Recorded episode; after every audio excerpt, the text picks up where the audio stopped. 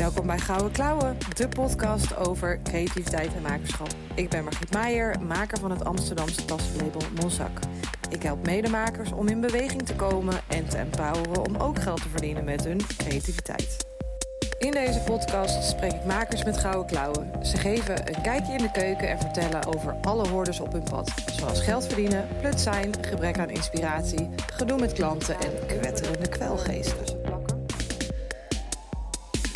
Welkom bij een nieuwe aflevering van Gouden Klauwen. Ik heb helemaal zin in deze aflevering, want ik spreek Marten. Marten is kunstenaar, res. Kunstenaar, kunstenares, maakt niet uit. Uh, en zij, uh, ik ken haar via de, online Makeupreneur training die zij volgde. Uh, we volgden elkaar daarvoor al een tijdje op Instagram. Dus dan heb je toch altijd een beetje het gevoel dat je elkaar kent. Dat vind ik altijd leuk. En zij ja, doet heel veel inspirerende dingen. Dus vandaar dat ik haar uit wilde nodigen, nodigen voor deze podcast. Welkom Marten. Dankjewel. Leuk dat ik er mag zijn. Ja, vind ja. ik ook. De, en dit is, jouw, dit is jouw eerste podcast, vertelde je. Ja, dit is mijn allereerste podcast. Ja. Dat maak je niet zo vaak mee natuurlijk. Nou, nou er, er, zijn meerdere geweest die nog niet eerder in een podcast zijn geweest. Misschien dat makers, nou dat is eigenlijk wel een goed teken dat makers, uh, uh, ja, dat er nog niet zo heel veel podcasts ook voor makers zijn. En daarom makers ook nog niet uitgenodigd zijn. Uh, nou, nee, precies. Leuk. Makers zijn natuurlijk niet per se, weet ik veel, acteurs, bekende mensen of zo. Nog, nog niet. Nog, nog niet. niet, Marten, maar misschien komt dat nog wel. Dat ja, dat zou toch leuk zijn? Wordt.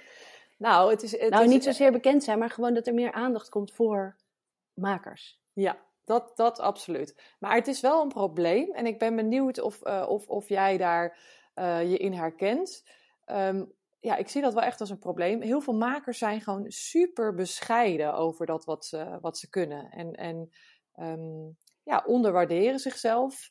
Vinden het moeilijk om op die zeepkist te gaan staan. Om te zeggen, ik maak iets super vets. Dus ik denk dat, dat makers er zelf ook niet zo mm, ja, war, warm voor lopen om, om in de spotlight uh, te staan. Hoe ervaar jij dat? Nou, dat herken ik wel, want ik ben uh, al best lang maker, al 13 jaar zeg maar. En het is eigenlijk nu pas, sinds ik denk anderhalf jaar, dat het me lukt om veel meer daarmee naar buiten te treden. Natuurlijk liet ik op Instagram wel al lang werk zien en natuurlijk bouw je een website en zo maar daar zet ik dan gewoon vooral mijn werk op en niet, niet mezelf, om het maar zo te zeggen. En ik heb um, een aantal keer meegedaan aan bijvoorbeeld een makermarkt in de Hallen met verschillende dingen. En nou, dan had ik een stand gebouwd, die zag er gewoon fantastisch uit, want dat kan ik wel. En dan ging ik er daarna achter zitten. Als maar gewoon niemand met mij ging praten, zeg maar. Dus dat, dat, dat, leek mij gewoon het allerbeste. Van hier zijn mijn spullen en ik, uh, nou, ik ga even koffie halen. Succes ermee. Ja. en nu zie ik heel erg in dat dat niet werkt. En heb ik mezelf vorig jaar um, echt gepusht. Heb ik zelf een expositie georganiseerd met uh, wandkleden die ik gemaakt had. En toen dacht ik, oké, dan wil ik wel dat dat op een plek is waar ik zelf erbij kan staan. Waar ik met mensen erover een gesprek kan aangaan. Um, maar dat is, wel, dat is wel echt een hele bewuste keus geweest om mezelf ja, echt daartoe te, tot te dwingen, om het maar zo te zeggen, om dat te leren. En om dat te ervaren. En omdat ik gewoon er steeds meer achter kom dat dat eigenlijk de enige manier is om je werk aan de man te brengen, om maar zo te zeggen. Tenzij je. Er... Ja, door, door, de, door ernaast te staan. Of tenminste, ja. ja. je kan natuurlijk niet altijd de hele tijd overal naast staan. Maar door zelf veel meer proberen uh, ja, daarover te praten. En ja, natuurlijk proberen te verkopen, maar dan wel binnen gewoon een leuk gesprek of zo. Mensen willen weten wie het gemaakt heeft. Heb ik met die persoon een klik? Want het gaat uiteindelijk gaat het nog meer daarover dan. En natuurlijk, ja, de een valt ervoor en wil het meteen hebben. En de ander heeft gewoon denkt: Wauw, ik vind jou heel leuk. Dus van jou wil ik wel iets kopen. Of aan de muur hangen of aantrekken. Of uh, een workshop bij je volgen of wat dan ook. Ja. ja en dat dus... lukt me nu steeds beter. En ik merk ook dat het, dat, dat het werkt, zeg maar. Die persoonlijke klik, jezelf laten zien en daardoor een persoonlijke klik ook met iemand anders kunnen hebben. Ik denk dat nieuwsgierigheid ook wel een hele belangrijke ja. is daarin. Nieuwsgierigheid naar de ander ook. Absoluut. En hoe doe je dat dan? Hoe maak je dat dan? Hoe kom je tot een beeld? En wat gebruik je? En ja, gewoon al die vragen die alleen ik in dit geval, of jij, als het gaat over jouw tassen, kan beantwoorden. Ja, Maar ook, ook, met terug, ook andersom. Dus dat jij nieuwsgierig bent naar jouw klant. Van, Absoluut. Van, wat maakt dat je nu wegloopt? Wat maakt dat je nu wegloopt? Hallo, hallo. Ik was tegen je aan het praten. ja, of, of, of juist uh, van, ja, vind je hem te groot dan? Of, of uh, je, hoeft niet, je hoeft niet naar de pijpen te dansen van je klant. Maar ja, ik ben constant in gesprek met mijn klant, omdat ik dan kan bijschaven, fine-tunen, eerst checken of ik daar dan zelf ook blij van word. Precies. Want zo kwam er bijvoorbeeld een uh, oud collega met wie ik heel lang achter de bar heb gestaan toen we allebei nog in het café werkten. En die kwam kijken. Hij zei: Martens. En hij had me al uh, een keertje gebeld toen ik ermee bezig was. En ik had natuurlijk wel een beetje proces laten zien op social media en zo. En toen belde hij. Hij zei: Marten, ik vind het zo gaaf wat je aan het maken bent. Ik vind het echt te gek. Maar ik woon op een woonboot en alles is schuin. En ik heb alleen maar hele kleine stukjes muur. Dus ik zou zoiets nooit kunnen ophangen. Kan ik je vragen, of ben je dan beledigd, of je voor mij een sprei wil maken voor over mijn bed? Want ik heb oh. een Ehm, een bedbank. En als mijn zoon komt, dan slaapt hij in mijn slaapkamer. Dan slaap ik in de woonkamer. En dan kan ik die mooi uh, bedekken met een kunstwerk van jou. Maar dan niet hangend, maar liggend over dat bed. Of vind je dat dan heel erg als ik dat aan je vraag? Doet dat, dan, ja, is dat, doet dat iets af aan wat je maakt? Ik zeg, nee, dat vind ik juist heel te gek dat je dat vraagt. Want dat geeft mij ook weer nieuwe inzichten in hoe ik toch met dat wat ik aan het doen ben, iets anders kan maken, waar misschien meer mensen iets aan hebben. Ja. toen heb ik tegen hem gezegd, ik ga, dat, ik ga dat voor je doen voor het einde van het jaar. Ik, ik ben nu hiermee bezig, ik moet dit eerst afmaken. Hij zei ook, ik heb ook nu uh, geen geld. aan het einde van het jaar weer wel. Wat kost het? Dan ga ik ervoor sparen. Dus zo hebben we een deal gemaakt. En toen is hij dus op de expositie gekomen. Toen heeft hij uh, aangegeven welke kleuren hij mooi vond. Hij zei, die, die kleur vind ik mooi, die kleur vind ik mooi. Uh, zo groot moet het ongeveer worden, 220 bij 220. Um, ehm, die en die kleuren. En verder mag je het helemaal zelf hmm. invullen. Nou, dat was te gek natuurlijk om dat te doen. Ook spannend, omdat ik gewoon um, toch dan meteen in dat maken kom en composities ga maken. Ik heb eerst een kleine schets gemaakt, een uh, collage van papier met de kleuren die ik zeg maar moest hebben. Toen ben ik daarna al die kleuren gaan verven, want daarna heb ik hem geschaald en weet ik, oké, ik heb dus zo'n groot stuk stof nodig van die kleur. En toen ben ik dat allemaal gaan verven en daarna knippen, in elkaar zetten. En ik had met hem nog helemaal niks gedeeld van het proces. Dat had ik helemaal een soort van voor mezelf gehouden, omdat ik zelf ook nog niet precies wist of ik wel goed bezig was of zo. En toen was hij dus af. En toen heeft het denk ik wel drie weken geduurd voordat ik hem durfde te bellen om te vertellen dat het af oh. was. Omdat ik zo bang was dat hij zou zeggen: Nou, dit is echt helemaal niet wat ik had gedacht of wat ik had gehoopt. Jezus, wat heb jij nou gedaan? En dus toen had ik een uh, foto gemaakt, had ik naar hem gestuurd, een aantal foto's. En uh, ik, nee, dat is niet waar. Ik heb het eerst anders gedaan. Ik heb met een aantal uh, vrienden, collega's, kunstenaars erover gehad. Ik zeg, wat is dat in mij? Dat ik dus gewoon niet durf te zeggen dat het af is. Terwijl ik ik vind het zelf eigenlijk best wel gewoon heel goed gelukt en heel tof geworden. Uh, ik, zou ik zou het ook niet erg vinden als ik hem zou moeten houden, zeg maar, een beetje zo. En helemaal indekken? helemaal indekken. En toen zeiden ze allemaal, ja, maar wat ben je nou voor pannenkoek? Het ziet er gewoon geweldig uit. Waarom zou hij het niet tof vinden? Nou, had ik wel drie mensen voor nodig en toen durfde ik dat, uh, hem uh, te contacten om te zeggen dat ik klaar was. En toen had ik foto's gestuurd en toen reageerde hij niet. oh zeg maar niet soort van meteen, maar hij zat in de auto. Dus dat appte hij wel. Ik uh, zit in de auto, ik reageer later. En, maar dat duurde best lang, voor mijn gevoel. Voor iemand die al zeg maar soort van niet durfde iets te laten zien. en toen reageerde hij van, oh Mart, ik ben echt helemaal sprakeloos. Ik vind het zo fantastisch, ik vind het zo mooi. Wanneer kan ik hem in het echt zien? En toen kwam hij hier en toen was hij echt gewoon helemaal, ja, gewoon, hoe noem je dat? Blown away. Zo van, wauw, dit is echt zo fantastisch dus dat, ja, dat was fantastisch. Dat was echt. En ik had eigenlijk een veel te lage prijs natuurlijk gezegd, omdat ik ook van tevoren niet precies wist hoe lang ik erover zou doen. Dat is natuurlijk met alles wat je voor het eerst dan maakt. Maar ja, 220 bij 220, dat is gewoon echt groot. En ook heel zwaar om te werken met de machine en zo. Dat, ja, nou goed, dat weet ik dan nu. Ja, maar leg, leg, dan even, leg dan even uit, Marten, want dat, dat, dat de luisteraar even mee kan oh, sorry. visualiseren wat het, wat het dan is. Ja, want we duiken, we, wij kunnen goed kletsen, merk ik al. Uh, uh, we duiken gelijk erin, wat heerlijk is, maar ik, ik weet precies hoe het eruit ziet. Het, het is, ja, ik, eh, ik ben, ben benieuwd of als ik nu dit woord zeg, of jij je dan beledigd voelt. ik ben benieuwd, kom maar. Patchwork, ja, Patchwork nee, dat heeft ja, maar dan wel de stoere Cool. versie van patchwork, zeg maar. Want patchwork is wel heel, vaak heel netjes in allerlei eh, driehoekjes, vierkantjes gesneden. En dat echt als een soort, eh, ja, ehm, weer een nieuw stuk stof eh, aan elkaar gemaakt.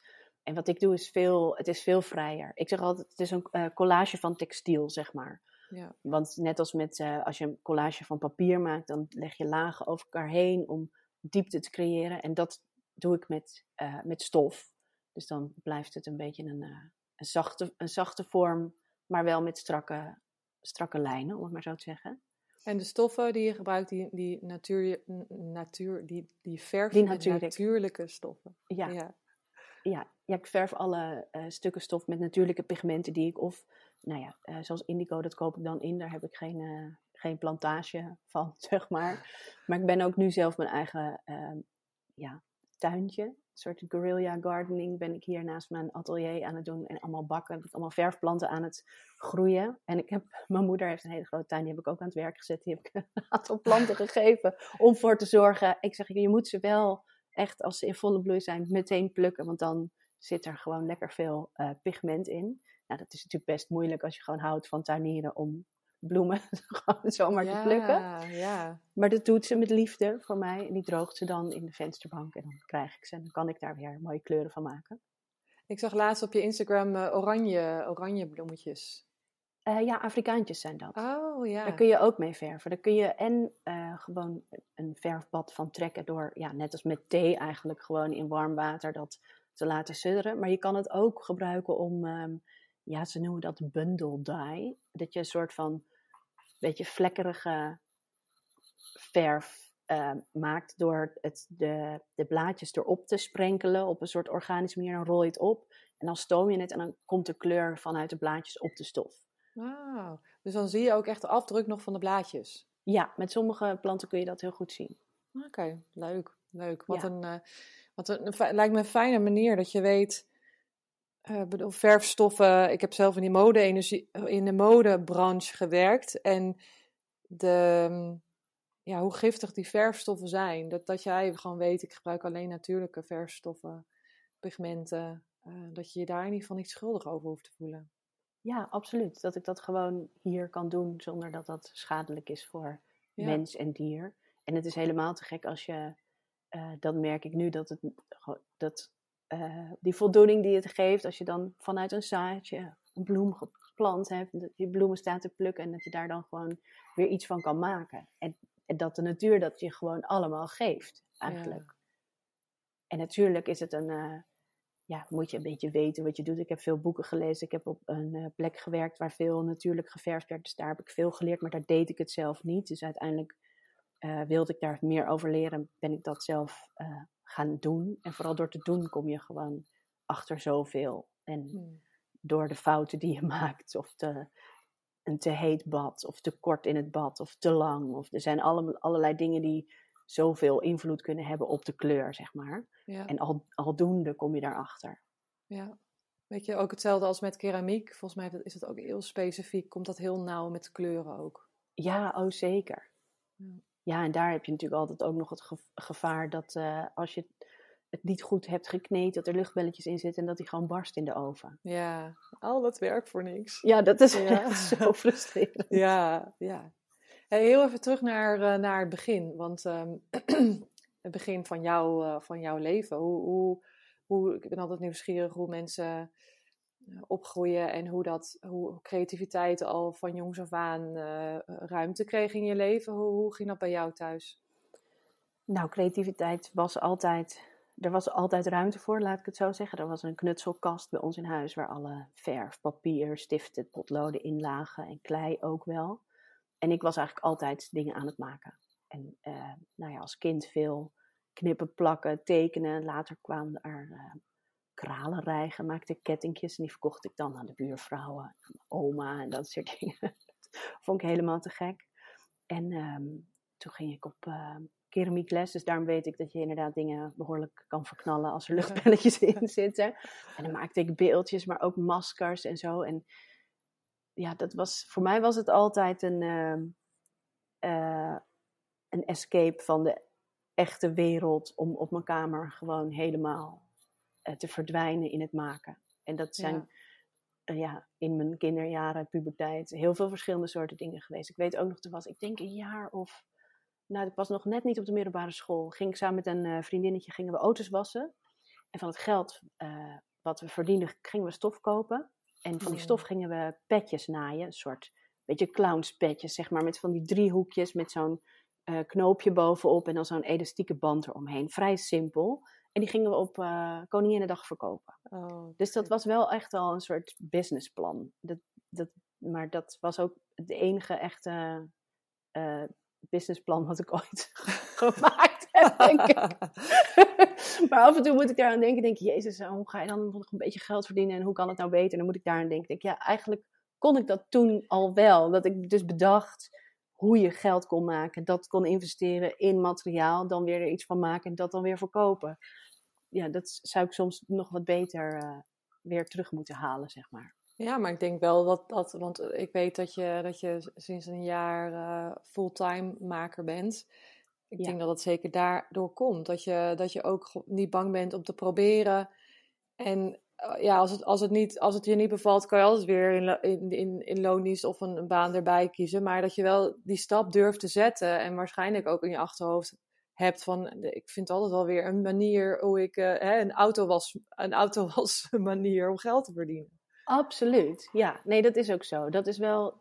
Ik heb altijd ernaast gewerkt, naast mijn makerschap, kunstenaarschap, waardoor de noodzaak om met dat wat ik maakte geld te verdienen er- er niet zo op de voorgrond was. Was altijd mooi meegenomen als het wel gebeurde.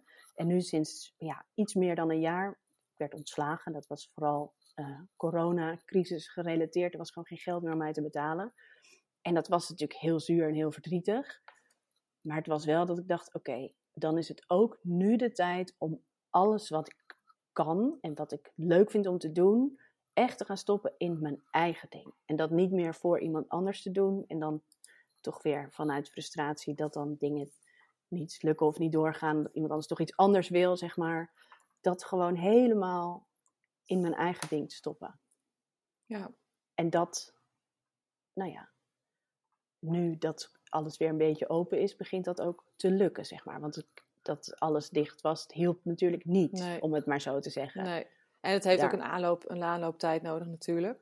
Het heeft een aanlooptijd nodig. Je moet Ja. nadenken, wat ga je dan eigenlijk doen? En ja, nu ben ik met zoveel verschillende dingen bezig, die ik allemaal ontzettend leuk vind om te doen. Ik sta als soort ehm, ja, kunstjuf af en toe voor de klas voor speciale projecten. Ik heb eh, drie keer op een school, eh, gingen we natuurlijk verven in een serie van drie keer dat verschillende kinderen konden komen. En dan gaan we kleine lapjes maken en met de shibori-techniek. En dan die verwondering die die kinderen hebben, dat is fantastisch om te zien. En afgelopen maandag was ik op een school en hebben we een heel textiellab ingericht voor kleuters. En gaan we gewoon met vijfjarigen weven op hele grote weefraam, maar ook kleintjes. En hutten bouwen, maar ook jezelf verkleden. Gewoon alles wat met textiel en veranderen te maken heeft. Op een hele ja, vrije manier waarin kinderen gewoon echt het helemaal uit zichzelf kunnen halen, zeg maar. Wat je, wat je er dan van kan maken, zonder dat ik zeg, oké, dit moet een olifant worden of zo. Mhm. En dat is te gek, dat je, doordat ik zelf als kind dat zo goed kon, om het maar zo te zeggen, ehm, dat je daarmee dat voor andere kinderen ook kan geven. En dat dan een meisje bijvoorbeeld tegen mij zegt, dat was met het natuurlijk verven op die school. Oh, juf, ik ben zo blij dat ik dit met jou mag doen. Want mijn ouders, die houden niet van viezigheid. Dus Mm. thuis mag ik dit nooit. En dan denk ik, oh ja, dit is precies waarom ik dit zo te gek vind. Omdat dat gewoon zo belangrijk is. En niet zozeer dat je dan een eindproduct maakt, maar dat je gewoon bezig bent met je handen. Even helemaal in het hier en nu. Dat je daardoor andere verbindingen maakt of tot nieuwe inzichten komt die misschien ja, op een later moment nog terugkomen of zo. Van, oh, toen heb ik dat en dat zo in elkaar gezet. Dan kan ik dat nu misschien met dit wat ik aan het doen ben ook doen of zo. Ja, dat, is, dat vind ik te gek. Ja, en, en de mogelijkheid dat je buiten de lijntjes mag kleuren. Dat het ook Ja. gewoon fout mag gaan. En dat het niet erg is, want dat er juist daarin ook weer hele vette dingen kunnen ontstaan. Precies. En juist vanuit die foutjes ontstaan er weer nieuwe dingen. Of, of ontdek je iets nieuws en denk je, oh nou ja, dit is eigenlijk ook wel tof. Maar hoe heb ik het nou eigenlijk gedaan? Ja, dat weet ik niet meer. Nee, nee. Ja, dat heb ik altijd met een recept als ik iets kook. Dat ik denk, oh ja, als iemand vraagt, wat zit er allemaal in? Dan denk ik, ja, wat heb ik eigenlijk allemaal ingegooid? Beetje van dit, beetje Ja. van dat. Dat is ook gewoon een beetje dat spelen en, en eh, niet per se het recept volgen. Ik weet nog dat mijn moeder vroeger eh, dat niet deed en dat ik dat super irritant vond. is ook super irritant. Ja. Maar ik heb dat ook heel vaak. En dan komen mensen eten en zeggen, oh, heb je dat gemaakt? Ik zeg, nou, het is dit recept, maar dan heb ik dat weggelaten. Dat heb ik erbij gedaan. Eh, en er staat eigenlijk in zoveel suiker, maar ik heb wat minder gedaan. En dan staat er amandelmeel, maar ik heb eigenlijk hazelnoot Ja. gebruikt. Dan mensen zeggen, laat maar, ik eet het wel gewoon op. en dan is het goed. ik kom wel gewoon weer bij je eten. Heerlijk, die vrijheid nemen. Ja, leuk. Hey, en en ehm, eh, je, hebt- je hebt eerst eh, ehm, een, een jaartje Amfi gedaan, eh, even mode, mode uitproberen, dat bleek het niet te zijn. En toen de, de kunstacademie richting productvorming. Ja. En ik ben heel nieuwsgierig hoe dat. ehm, ja, le- leerde je, leerde je in die tijd op de kunstacademie iets over jezelf, of gel- over geld verdienen, over jezelf verkopen, promoten? Nee, niks. Nee, gewoon helemaal niks. Aan het einde van de vier jaar academie kreeg je in de laatste week voor eh, de eindexamen eh, ja, schouw of zo. ehm, een aantal fondsen die langskwamen. En iemand van de BNO die kwam vertellen over hoeveel geld je dan per uur zou moeten vragen als je als freelancer aan de slag ging. Nou, dat was toch echt al 65 euro per uur. Nou, dat haal ik nu vaak nog, niet eens.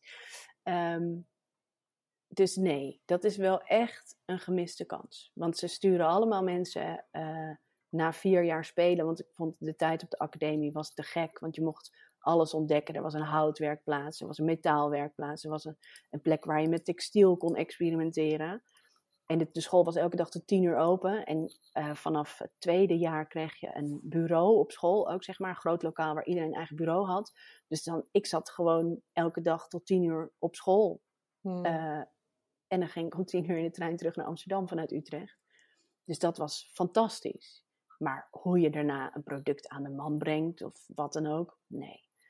Nou, we hebben één keer, maar dan moest je het ook alsnog zelf uitzoeken. Hebben we een expositie georganiseerd met de hele klas. Ehm, Design 030 heette dat. Dat was dan in de academiegalerie. En daar kon je dan ook wel je dingen verkopen als je dat wilde, zeg maar. Maar er was niemand die vertelde hoe je dat dan moest doen. Dan moest je eh, zelf bedenken, oké, dan heb ik dus dit, dus een lamp. Ja, dan moet ik dus een verpakking. Dus niet dat je daar les, tenminste toen niet. Ik weet niet hoe het nu is. Ik hoop dat het beter is. Hmm. Ja, en heb, en heb je, ehm, wa- waarom lukt het jou wel? Want ik, ik spreek ook heel veel kunstenaars, echt kunstkunstenaars, die heel autonoom werk maken en waar, waar geen, eh, waar ook geen, niet, niet de, mm, het idee achter zit om het te gaan verkopen, want ze willen dat gewoon uiten en in de, in de, wereld, in de wereld zetten, zonder daar verdere verwachtingen nog over te hebben. Waarschijnlijk ook omdat ze door die fondsen eh, ehm, eh, gesteund worden. Uh, maar hoe denk je dat het jou wel lukt? Of hoe komt het dat het jou wel lukt dat je als kunstenaar kan leven ervan? Ja, dat is een goede vraag. Omdat ik nu, ja, een aantal dingen denk ik, omdat ik wel de, de inmiddels heel erg de noodzaak zie van dat ik er ook geld mee verdien. Want ik kan een soort van niks anders dan dit. Nou ja, dat is ook niet helemaal waar. Ik zou natuurlijk heel veel andere dingen kunnen. Ik wil niks anders dan dit. Um, en omdat ik uh, nou ja, over die subsidies gesproken. Dat is natuurlijk heel goed en mooi dat het er is. Maar ik denk uiteindelijk dat het niet een oplossing is. Omdat je daarmee nooit die vertaalslag maakt naar een commercieel iets. Je blijft daardoor altijd hangen in um, ja, het onverkoopbare uh, product of installatie of wat je dan ook maakt. En je, nou ja, zoals met prijzen bijvoorbeeld. Een prijs is er niet voor jou, maar een prijs is er voor de prijs, zodat die pr prijs kan laten zien, oké, deze persoon die zo goed dingen maakt, die heeft nu van ons een prijs gekregen en daardoor lift de prijs weer op. En dat is met een fonds net zo, die, die laten dan ook weer zien, oké, we hebben deze kunstenaar gesteund en dat is dan weer goed voor zo'n mm. fonds, zeg maar. Mm. Dus het is een beetje gekke wisselwerking. En uiteindelijk zit je altijd een beetje gevangen aan, in zo'n subsidie, voor mijn gevoel, uh, als het gaat over vrijheid. Want je bent daarna altijd nog verantwoordingsschuldig. Je moet een verslag schrijven over wat je gedaan hebt. Hoe heb je dat geld besteed? En, en wat is er uitgekomen uit je onderzoek? Dus er zit altijd nog iets aan vast wat je nog moet doen. Uh, waarvan ik weet dat veel mensen om me heen er altijd een beetje tegenaan hikken. En als je gewoon je eigen ding maakt, dan hoeft dat niet. En, en, en het... wat ik nu. Ja, sorry. Nee, nee. En, het, nee, en het scheelt ook, uh, het kost veel tijd. Uh, als in het, het, kost het aanvragen kost veel tijd. tijd. En het is onvrij, omdat je dus uiteindelijk die verantwoording, verantwoording af moet leggen. Uh, dus, dus het voelt zo tegenstrijdig eigenlijk als je erover nadenkt. Een autonoom leven willen leiden, maar alsnog wel een soort verstrikt zitten of, of geketend zitten aan die toch subsidie. in de apenklem van de subsidie. En het is ook zo dat je... Het is niet de echte wereld. Of zo. Snap wat ik bedoel? Nee. Het is, Nee. En ik wil toch als mens, als kunstenaar, als maker meedraaien in de echte wereld. En ja, dat is een moeilijke wereld. En vaak voor de dingen die ik dan doe of maak, is niet zoveel geld als dat je in een commerciële wereld zou zitten. Um, maar door een combinatie te maken met en dus steeds meer uh, werk in opdracht te doen, gekke grote kunstprojecten, um, en voor de klas staan, workshops geven waar steeds meer aanvragen voor binnenkomen, lukt het me toch om zeg maar met de creativiteit die ik in me heb, ja, eindelijk een, een beetje een inkomen te genereren waar ik van kan leven en mijn atelier kan betalen. En ja, dat is te gek om te merken dat nu ik daar helemaal voor ga, dat het lukt. Ja, dus, dus dat is ook, dat, ik denk dat dat laatste erg belangrijk is. Je gelooft er zelf helemaal in. Je weet ook dat, wat je me eerder vertelde, je liever de weg kiest naar de mens in plaats van een museum. Dus dat je, dat je jouw kunst echt ook naar mensen toe wil brengen. In een Ja. huiskamer, als wandkleed of, of als kledingstuk om aan te trekken. Of hè, over je bank heen iets, iets eh, te leggen. Maar dus dat, hè, dat, dat, je weet voor wie je het eigenlijk doet. Je weet, je gelooft erin. En je, en, je, je, je, en je kan eigenlijk nu niet anders, want je bent er afhankelijk van. Ik denk dat dat wel echt een goede combinatie is. Ik ben er nu echt afhankelijk van. En inderdaad, wat je zegt, als het niet lukt, kan ik altijd weer terug eh, Ja. naar een gewone baan of zo, om maar zo Ja. te zeggen. Ja, Ja, ja en ik denk dat het altijd. voor. Ja, dat, je hoeft niet, hè, de keuze die je nu maakt, hoeft niet voor, voor altijd te zijn. En ik denk wel dat heel veel mensen ook veiligheid fijn vinden. En misschien veiligheid, een veilig gevoel van een subsidie of een veilig gevoel van een vaste baan, kies, verkiezen boven dat verlangen wat eigenlijk in je onderbewustzijn zit. Van ik wil, ik wil gewoon maken en er andere mensen bij, blij mee maken. Dat, dat, dat, Ja. toch, dat, dat je daar sneller voor kiest. En, en het is ook echt denk veel ik iets... En dat heb ik ook altijd gedaan. Hè? En daardoor heb ik ook eh, nu pas die wandkleding gemaakt. Dat was een ding wat al heel lang in mijn hoofd zit. Daardoor ben, zijn die jasjes er nu pas gekomen. Dat was ook al iets wat ik heel lang wilde doen. Maar doordat ik gewoon werkte, had ik daar niet genoeg tijd voor om het eh, nou, te- echt gewoon letterlijk te maken. Maar ook om het te ontdekken in hoe ga ik het dan maken. Want dat kost ook tijd. En daar heb je, ja, ik noem het altijd lummeltijd voor nodig Mhm. tijd waarin je ehm, ja, niks doet, maar toch eigenlijk ook weer wel. En dat is eigenlijk een soort, eh, ja, hoe moet je dat zeggen? Een tijd in rust. En als je gewoon weer op de fiets moet, omdat je naar je werk moet, dan heb je dat niet. Ja. En dat heb ik nu wel veel meer. Dat ik gewoon soms in mijn atelier zit. Nou, dat gebeurt de laatste tijd trouwens heel weinig. En dat ik echt denk, oké, wat, wat ga ik nu doen? Nou, Mhm. misschien ga ik gewoon even niks doen. Ga ik even koffie zetten. En dan bedenk ik, nou, ga ik even een, een nieuwe kleur maken of zo. Nog zonder dat het verder dan eh, een doel heeft om iets te worden. Ja, natuurlijk ga ik dan een stuk stof verven. Maar die, dat stuk stof, ligt hier een hele stapel achter me. Die liggen nog te wachten om gebruikt te worden, zeg maar. Ja, Maar dat al die tijd is nodig om weer tot iets te komen, zeg maar. ja. Ja, en denk ook te laten, te laten marineren wat er allemaal al om je heen leeft of zo. Veel mensen zijn deze tijd, heb ik ook het idee, en ik zelf misschien soms ook, op zoek naar hoe kan het nog beter. Eh, Ja. En ook een beetje daar afleiding in zoeken, omdat je bang bent dat wat er al in je leeft of zit niet goed genoeg is. Ja. Ehm, en, en daardoor ehm, voed Nou, je en wat natuurlijk ook vaak lastig is, dat bij, nou ja, inmiddels is er natuurlijk zoveel gedaan en gemaakt, dat bij heel veel dingen die je bedenkt, denk je, oh shit, nou heeft Pietje ook al gedaan. Ja. Dat heeft, eh, Marie heeft, oh, die doet dat ook al. Nou, weet Ja. je wat, laat maar, doe ik het niet meer. Mhm. Eh, dat kan je soms ook heel erg, eh, nou ja, tegenhouden in toch door te gaan met dat wat eigenlijk in je hoofd zit. Ja, alleen denk ik dan altijd, of, of, of, of, of ehm, kaats ik de bal terug door te zeggen, maar heb jij het al wel eens gedaan? Want, nee, precies, dat is ook zo. Maar soms duurt dat even voordat je dat zelf kan zeggen, nee, inderdaad. En ik zet weer iets heel anders op een andere manier in elkaar dan jij of iemand anders. Dus ja, ja wat dat betreft moet je jezelf de ruimte geven. Ja, of, uh, en, je, en je zal het anders verkopen, of je zal het anders vermarkten, of je zal het anders aanprijzen. Dat zie je toch ook. Waarom lukt het, uh, waarom lukt het die persoon wel om iets in de markt te zetten en waarom lukt het de andere persoon niet? Dat komt ook gewoon door die mix van jouw persoonlijkheid en het product en je markt en je doelgroep. Al die dingen zijn, zijn uniek. Dus, ja. Uh, en dan moet je natuurlijk ook nog wel een beetje ondernemersgeest hebben. Maar ja, daarom. Maar alsnog maken ze hetzelfde product. Dus ik denk dat er, er is altijd ruimte er is, de markt is groot genoeg, er is ruimte voor iedereen. Alleen je moet er wel, het belangrijkste is, is wel echt dat je het werk erin stopt. Uh, en, dat, en je moet die ruimte innemen, zeg ja. maar. Ja. ja Want er is niemand die zeg maar, de deur voor jou open doet en zegt: Kijk hier, dit is, dit is jouw ruimte. Hier is jouw podium. dit is het. Ga maar staan. nee, je moet er echt kei en keihard voor werken. Ja, ja, ja. Ruimte innemen. Ja, dat is, dat is, dat is denk ook iets wat vrouwen uh, heel ingewikkeld vinden. Mannen zijn ja. er wat rationeler en wat, hebben wat meer uh, lef. En vrouwen denken, ah nee, maar anders ga jij even op het podium staan. Dan, ja, doe jij het dan ga ik daarna. Dan wacht ik wel. Ja, ja. ja. ja heel interessant vind ik dat.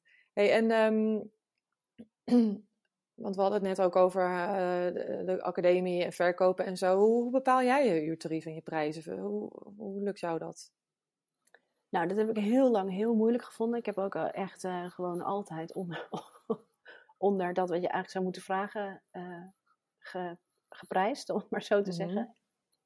En als ik mezelf verhuurde en als ik gewoon iets verkocht.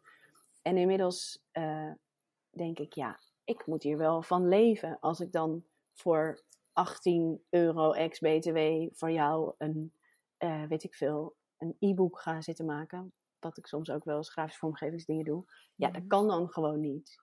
Dus ik heb wel uh, op een gegeven moment uh, bedacht: oké, ik maak een soort range voor commerciële opdrachtgevers. Uh, dat is dan, daar vraag ik meer voor. En ik maak een, een prijs voor niet-commerciële opdrachtgevers, zoals, weet ik veel, theaters, andere kunstenaars, meer in de educatieve, culturele hoek. Um, en zo ja, kan je dan samen, eh, wordt het dan een beetje meer of zo. Mhm, ja. En ook dat ik uh, gewoon per uur meer geld durf te vragen. Dat durfde ik voorheen ook niet. Ik denk, oh, kan ik het wel? Ja, ik weet het niet. Ja, dat is toch heel veel geld. Maar ja, als je dan uiteindelijk omrekent hoeveel geld uh, eh, 45 euro per uur is aan wat je er zelf aan overhoudt. En je kan ook, dat is het ook lastige natuurlijk als je als freelancer weet, je kan niet alle uren opschrijven. Nee. Dus uiteindelijk, um, ja, je, ja, wil je er echt van kunnen leven, zul je het moeten doen. En, want anders wordt het niks. En ik vind dat nog steeds heel erg moeilijk. En ook met het uh, prijzen van producten, dat je denkt, ja, shit, oké, zo'n wandkleed, ja. Toen ik eraan begon, dacht ik, nou, dan worden ze 750 euro. Zat in mijn hoofd, dacht, mooie prijs. En toen was ik bezig en toen dacht ik, ja, maar dat kan helemaal niet dat is veel te weinig. Als ik bereken hoeveel tijd ik daarmee bezig ben. Ik, nee, ze moeten gewoon 1200 euro worden. En ja, dat is veel geld, maar uiteindelijk reken ik dan nog niet eens alle uren. Nee. Dan zit ik nog niet eens op een normaal uurtarief als ik dat zou berekenen. Maar je denkt ook, ja, oké, ik wil het ook verkopen. En dus, ja, ook met die jasjes. Ik denk, ja, er zit super veel liefde, werk en tijd in dan prijs ik ze gewoon allemaal net een beetje anders. Want de een heeft meer werk dan de ander. Ehm, en dan wel een prijs waarvan je denkt, nou, zou ik dat zelf nog uitgeven? Dat denk ik ook altijd wel over na. Ja, als kunstenaar heb je niet altijd bergen geld om uh, uit te geven. Dus dat is altijd moeilijk om zo te denken. Maar wel van, zou ik het het waard vinden? Want dat is altijd het grote verschil. Oh, het is echt heel, het is echt heel duur. Het is echt heel duur. Ik zei, nee, het is misschien veel geld, maar het is niet heel duur voor wat je ervoor krijgt en hoeveel tijd en liefde erin zit. Ja, en dat moet je wel je klant vertellen. Dat laatste. Ja. En dat weten heel veel mensen niet. Nee. Dat, En dat het is nog steeds altijd, oh, maar je houdt toch heel erg van maken. Je vindt het toch heel leuk om te doen? Dan maakt het toch niet uit. Ja, ja dus, dus, dus daar, je moet jezelf constant bewijzen, eigenlijk, of niet bewijzen, maar je moet constant je mannetje staan. Hè, om en te zeggen, dit, dit heeft zoveel tijd gekost, eh, ik moet er ook mijn boterham van verdienen. Eh, dat je, dat, ja, je moet constant mensen eraan herinneren die echt totaal geen idee hebben van wat what it takes, dat het een Nee, bepaalde en waarde mensen heeft. hebben ook vaak geen idee hoe lang het eigenlijk duurt om echt iets te Nee. maken. Nee. Nee, En daarom denk ik dat het- het geven van workshops ook heel slim is. Omdat je, of slim, ik doe het ook. Ik geef ook workshops tassen maken, omdat ik mensen ervan bewust wil maken dat wat je in de winkel ziet, komt niet uit een machine gerold. Nee, precies. Eh, en, en, en, en, en dat, mensen de deur uitgaan en denken, holy shit, dat is echt, zijn veel meer stappen dan ik had verwacht. Eh, ik ga echt wel anders kijken naar spullen die ik in de winkel zie liggen. Ja, in hoe het gemaakt is en hoeveel tijd dat kost. En ehm, vind je het ook leuk om workshops te geven? Zeg maar die interactie met mensen. Ja, ik vind het heel leuk. Het is, het is bijna iets. ehm, eh, ja, hoe kan ik. Ik, moet het altijd ik ver- eh, vergelijk het altijd met de kapper. Dat je dan. eh, Mhm. dat een kapper is eigenlijk ook een soort psycholoog. Want, Mhm. want heel veel mensen eh, ehm, eh, leggen hun hele ziel en zaligheid op tafel. En hier is dat niet per se dat mensen hun ziel en zaligheid op tafel ligt, leggen. Maar als mensen heel erg uit hun comfortzone gaan, dan laten ze zoveel van zichzelf zien.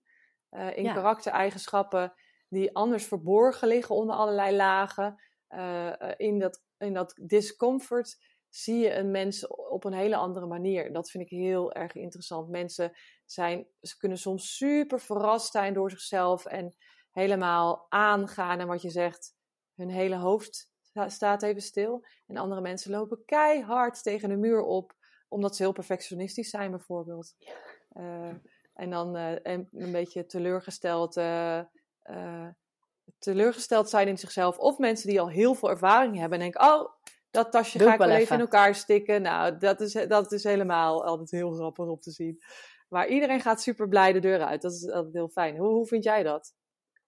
Ja, ik vind het eh, te gek om zeker. eh, je hebt natuurlijk altijd de mensen die inderdaad denken: oh, dat kan ik wel, ik weet wel hoe dat moet, zeg maar. Je hebt altijd mensen die. Oh, ik vind het echt super spannend. Ik kan eigenlijk helemaal niet met mijn handen iets doen. En eh, ja, maar hoe moet ik dan beginnen? Weet je wel, die echt zo helemaal eigenlijk meteen in een soort freeze komen en niet weten wat, wat ze moeten doen. Eh, en om die mensen dan toch op een, ja, hoe moet je dat zeggen, zonder te dwingen of te zeggen: je moet dit, Een liefdevolle de manier. tools te geven Ja, om gewoon te beginnen en dat het niet uitmaakt dat alles goed is. Ja. En die dan zo verrast zijn inderdaad over wat ze gemaakt hebben.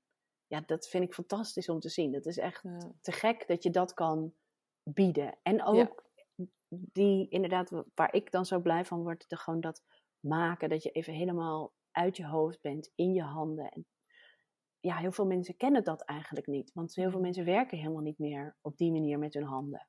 nee. Het is echt een En ik nieuwe denk dat wereld die open gaat. Ja, dat je dat kan bieden aan mensen, dat is echt wel te gek. Ja, ja, dat vind ik ook. Echt even een hele andere wereld waar ze instappen. En dat zeggen mensen, dat zullen mensen misschien ook al bij jou zeggen. Van, oh wat heerlijk dat ik hier gewoon de hele middag kan knutselen. En, en, eh, en gewoon lekker de boel de boel kan laten. En jij ruimt het op. En ik, hoef, en, Ja, en, ik heb thuis die shit niet. Ja, En dat was laatst leuk, had ik een groepje eh, zes eh, docenten van handvaardigheidafdeling. Dus dat zijn mensen die, waarvan ik denk, nou die maken dan heel veel. Maar die zijn eigenlijk altijd, altijd alleen maar voor die kinderen bezig. En die vonden het ook zo te gek. En zij appte later ook nog van, Mart, ik heb zo genoten van bij je zijn. En gewoon weer dingen maken. Het heeft me ook weer echt aangezet. Eh, en mezelf weer eh, even helder ge- gemaakt dat ik zelf ook weer echt dingen moet maken. Omdat ik daar Mm. gewoon heel blij van word. ja, Ja, dat is natuurlijk gewoon wat je wil. ja, Dat je even weer dat beginnetje bent en dat iemand daarna thuis ook weer ja. iets gaat maken. Wat het dan ook is, hè? al Ja. ga je taarten bakken of zo. Ja, ja dat, en dat, dat, dat, ik, ik, ik besef me dat ook steeds meer. Je hoeft er niet per se je geld mee te verdienen. Soms dan is het ook wel echt een nadeel, want dan ligt er wel meer druk op. Wij zijn, wij, voor, ons is, eh, voor ons is er geen andere manier. Maar ik denk dat, dat je creativiteit op zoveel verschillende manieren in je leven kan, kan verweven. Waardoor je af en toe even bij het scherm vandaan komt en gewoon sane blijft. Absoluut. Al ja. is het maar als hobby, wat ik gewoon een heel Ja. lelijk woord vind. Maar als je gewoon, weet je veel, de hele dag eh, onder het systeemplafond achter een computer zit, dan is het toch heel lekker als je gewoon thuis, eh, weet ik veel, een rokje in elkaar kan naaien. Ja. Of dat je denkt, oh, ik vind deze jurk eigenlijk niet meer zo mooi, maar misschien kan ik hem in een eh, verfbad duwen in mijn eigen keuken met avocado schillen. En dan gewoon dat je op een vrije manier creatief kan zijn. Ja, ja. En, en, en, en dat je daarin gewoon even loslaat wat het resultaat wordt. Want sommige mensen Ja. denken, oh, maar dat moet het rokje wel gelijk perfect zijn. Eh, maar, eh, misschien moet je gewoon beginnen bij paint by numbers. En, dan, Ja. eh, en dan of mini-stack. Gewoon iets wat je ook weer los Ja, nee, maar dat is eigenlijk, nee, dat is niet goed. Dat is namelijk te, dat ligt te vast, Oké, oké. denk ik. Ja, als je, als je, ja, je moet gewoon, ga maar vingerverven of zo. Ja, ja, ja, precies. Ja, ja, het, ja interessant. Hey, en, en, eh, of blij, ik word daar helemaal enthousiast van. Ik denk, oh, ik heb zin, oh, zelf ook zin om te vingerverven. Ja. Eh, hey, en, en ik ben even benieuwd. ehm, ik, ik vraag het meer gasten. Wat voor kwetterende kwelgeesten leven er in, jou, eh, in jouw hoofd? Oh ja, altijd een heleboel. Dan heb ik weer iets bedacht. Zoals laatste jasjes, die heb ik dan eh, vrijdag online gezet. En het, het grappige was, ik had de avond ervoor had ik ze al in mijn webshop gezet. En natuurlijk kan je dingen in, invullen dat het dan op een bepaalde tijd online komt. Maar ik dacht, ja, wie komt er nu nog op? En toen werd ik wakker en toen was er al één verkocht om, eh, weet ik veel, kwart over één s'nachts. Oh, Toen dacht ik, shit, ik heb nog helemaal die mail niet verstuurd. En die stond wel al klaar. En dat had ik, maar ik wilde het nog een beetje aanpassen en zo. En dus toen heb ik om zeven uur mijn laptop gepakt. En Frank en Moos, mijn man en kind, die waren al beneden. Ik zei, ja, ik ga nog even naar boven. Dus ik ging met mijn laptop in bed zitten om die mail aan te passen. En uiteindelijk had ik het allemaal veel te snel gedaan. Er stonden er allemaal fouten in. Link Oh ja, maar, was heel zo vreselijk. En het grappige was dat de avond daarvoor was ik naar een show geweest van Rob Bell. Een eh, ja, soort pastoor. Het, het is een beetje... Het is niet iets waar ik zelf snel heen zou gaan, maar ik was overtuigd door een vriendin om mee te gaan. Ik dacht, het lijkt me wel grappig om het een keer te zien. Hij heeft een podcast, dat noemt hij de Robcast. En hij zegt op zich wel hele wijze dingen. En hij zei in die podcast, eh, bedenk nou eens even, als je weer zo perfectionistisch probeert te zijn in deze wereld, dat de wereld ook niet helemaal recht is, maar de wereld staat een beetje schuin. Hmm. En het enige wat ik kon denken toen dat het allemaal zo fout eruit gegaan was, ja, inderdaad. The world is tilted, zoals hij natuurlijk zo ontzettend Amerikaan. Dus waarom zou ik me druk maken? En toen dacht ik, oké, fuck it, ik ga gewoon de dag beginnen. En eh, toen later dacht ik wel, oh nee. Ja, dan komt er iets over en ik, oh, maar ze zijn allemaal helemaal niet goed. En ze zijn niet netjes genoeg in elkaar genaaid. En ze zijn niet, ze zijn niet mooi genoeg. En het enige wat ik dan wil is gewoon in bed gaan liggen onder de dekens en doen alsof ik er niet ben. Ja. Dus het gaat echt van, zeg maar, zo, oh, het kan me allemaal niks schelen, naar, oh nee, ik heb echt iets gemaakt wat helemaal niet goed genoeg is. En nou heeft iemand het gekocht en dan moet ik het opsturen. En dan is het, oh nee, gewoon dat je opeens Ja. helemaal niet meer achter je ding staat. Naar eh, dan de volgende dag. Nou, ik heb er gewoon drie verkocht. Het is toch ongelooflijk? Hoe, hoe, Ja. hoe kan dat? ja. Dus ja, die zijn er zeker. Ja, ja en, en, en, en ehm, eh, want jij vertelde mij dat je, eh, dat je het ook wel een beetje anders aangepakt hebt. Je hebt natuurlijk die, die eh, wandkleden een tijd gemaakt en nu de jasjes. Even een switch naar, van interieur naar kleding. Ja, Ehm, en en dat, je, dat je ook wat meer van jezelf hebt laten zien in, dat, in de aanloop of in het, in het ja, in de aanloop van dat proces. Het kwam ook wel heel erg. Ik heb zelf zo'n jasje, dus ik, en die draag ik gewoon bijna elke dag. Dus ik dacht, het zou, nou, er zullen vast wel meer mensen zijn die dat fijn vinden om elke dag te dragen. Eh, en ik had zoveel stoffen nog liggen, omdat dat verven gewoon echt bijna een soort verslaving geworden is, waar ik niet meer mee kan ophouden. Dus de- die kleuren die zwellen maar aan, zeg maar, in verschillende stoffen. Ik dacht, oh, hoe tof zou het zijn als ik zo'n jasje kon, kan maken met verschillende stukken die ik nog over heb. Dus zo was het begonnen. Toen dacht ik, ja, oké, dan moet ik dat wel eh, laten zien. Dus ik heb dat pro- proces natuurlijk eh, vooral via Instagram laten zien. En toen dacht ik, ja, nu moet ik met mijn billen bloot. Nu moet ik ze ook zelf gaan aantrekken om te laten zien hoe ze eruit zien. Want ja, ik heb natuurlijk geen winkel waar mensen gewoon zomaar binnen kunnen komen lopen. Natuurlijk mag iedereen altijd langskomen in het atelier, maar ik ben er niet altijd. Meestal ben ik er door de week, er zijn andere mensen aan het werk, dus het is allemaal soms wat ingewikkeld. dus toen dacht ik, oké, nou, daar gaan we.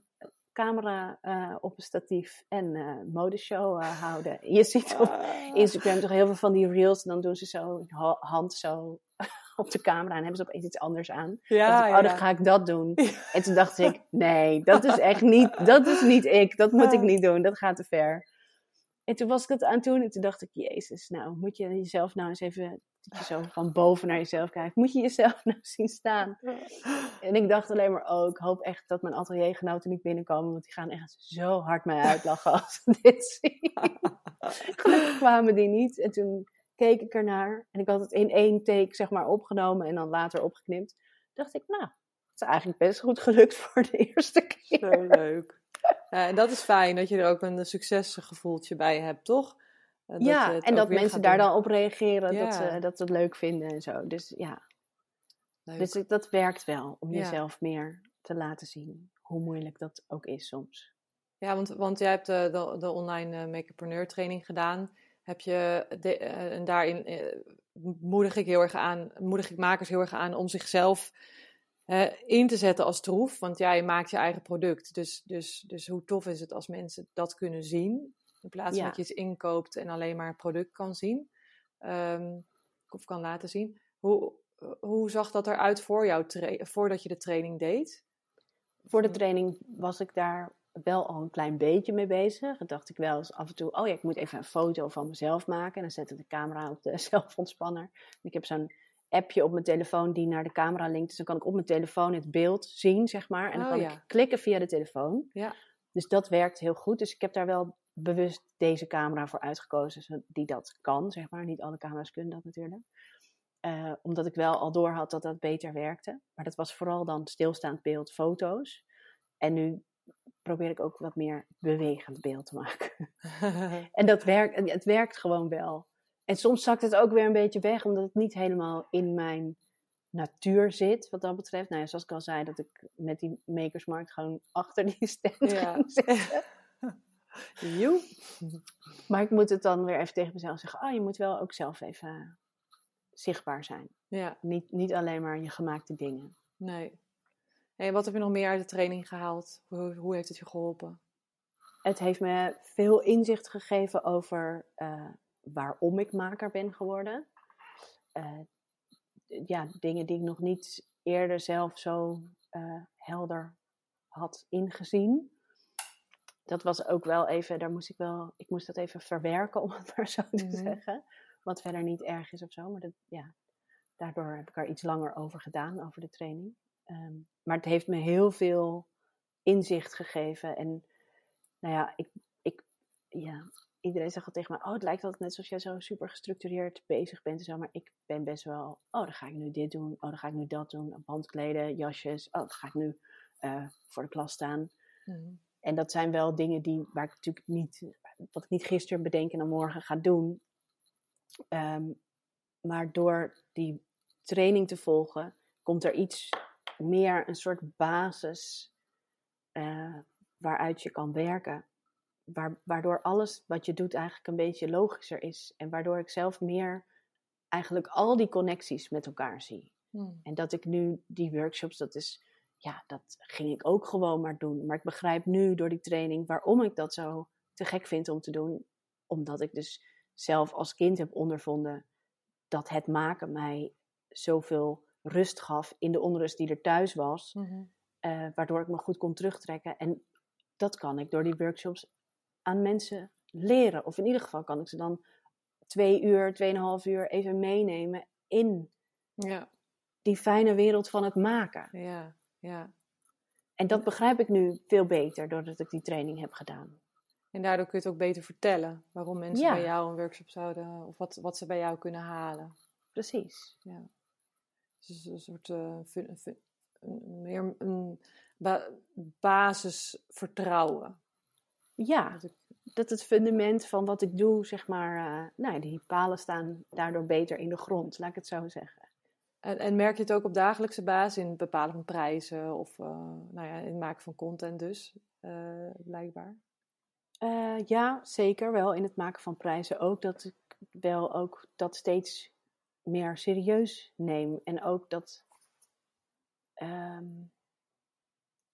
ja, dat, het, dat het ook andersom goed werkt, zeg maar. Dat er helemaal niet, eh, als ik dan een offerte stuur en waarvan ik zelf denk, oeh, nou, uh, ik hoop maar dat het doorgaat. Oh ja, is prima. Uh, we zijn er zo laat. Niet eens zeg maar, oh wat is het duur, oh wat is het weinig, oh gewoon niks. Nee, nee, helemaal niks. gewoon niks. Ja, ja, gek is dat, hè? hoe je zo jezelf daar elke keer helemaal in gek kan maken, terwijl aan de andere kant van de lijn uh, helemaal niks aan de hand is. Ja. Ben je, ja, ben je, Want je, hebt, je hebt de, de, quiz, de quiz gedaan, de, ja. de makersquiz, de pleasende maker ben je. Hoe herken je dat in je dagelijks leven? Ja, ik moet even denken wat uh, ook alweer de pleasende maker was. Maar die is vooral heel erg uh, pleasend naar de klant toe, hè? Maar ja, dus dat, uh, ja. En, en, het hoeft niet dat je het in elke, in elke in alles wat je doet terugziet. Maar het is wel dat je vooral bezig bent met hoe het voor de ander is. En, en, uh, en, en pas jezelf op de, op de tweede plek zet. Uh, ja, dat, dat, dat klopt wel heel erg. En ik probeer wel, nadat ik die quiz gedaan dacht ik, oh ja, ja, dit is echt wel hoe ik ben. En dit is ook wel hoe ik eigenlijk liever niet meer wil zijn. Ja. Dus daarom doe ik, doe ik die training om te kijken of ik daarin iets kan veranderen. Dat dat, ja. dat, dat gewoon meer uh, dat ik er zelf meer voor ga staan en niet, oh ja, ja denk je dat je het leuk vindt? Ja, gewoon zo. Ja. ja. Je, je eigenlijk je, je intuïtie volgen, want je weet, wel, ah, je weet dat het goed is, omdat het goed voor jou is. Ja. Dat is allereerste. Ja, dus dat is wel. Uh, nou ja, dat... het, het was een goede om erachter te komen en een goede om te zeggen: oké, okay, dat is eigenlijk niet hoe ik wil zijn. Mm -hmm. Want ja. ik denk niet dat dat me uh, dat dat de beste manier is om het te doen, laat ik het zo nee. zeggen. Nee. Nee, en soms dan moet dat even zo uitvergroot worden. En dan denk je, ja, maar dat is helemaal niet meer hoe ik erover na wil denken. Hoe, kun, hoe kan ik uh, mijn gedachten veranderen daarover? Ja, die ja. overtuigingen. Ja, ik uh, kan nog wel uren met je, met je kletsen. maar ja, je mag altijd langskomen. ja, dan moeten we even een andere, keer, andere keer doen. Misschien een workshop, een workshop volgen. Ja, um, ja, ik, uh, ik vond het heel erg leuk om met jou te kletsen. Als jij als luisteraar denkt, wauw, dit is een superleuk gesprek. Ik vind de podcast sowieso leuk. Geef me vooral sterren. Uh, dat is erg belangrijk in podcastland, uh, heb ik geleerd. bij Spotify kun je dat helemaal linksbovenaan doen bij beoordelen. En als je nog vragen hebt waarvan je denkt, Margriet, waarom stel je die nooit? check me even op Instagram, stuur een DM'tje naar de makerscoach. En uh, dat lijkt me hartstikke leuk als je me input geeft. Um, jij, Marten, hartstikke bedankt. Ik vond het super leuk dat je er was. En we gaan elkaar zeker nog uh, zien en horen. En uh, veel succes met alles. Ja, dankjewel. Was, ik vond het een leuk, leuk gesprek. goed zo, goed zo. Ja. Nou, tot de volgende keer. Oké, okay, doei.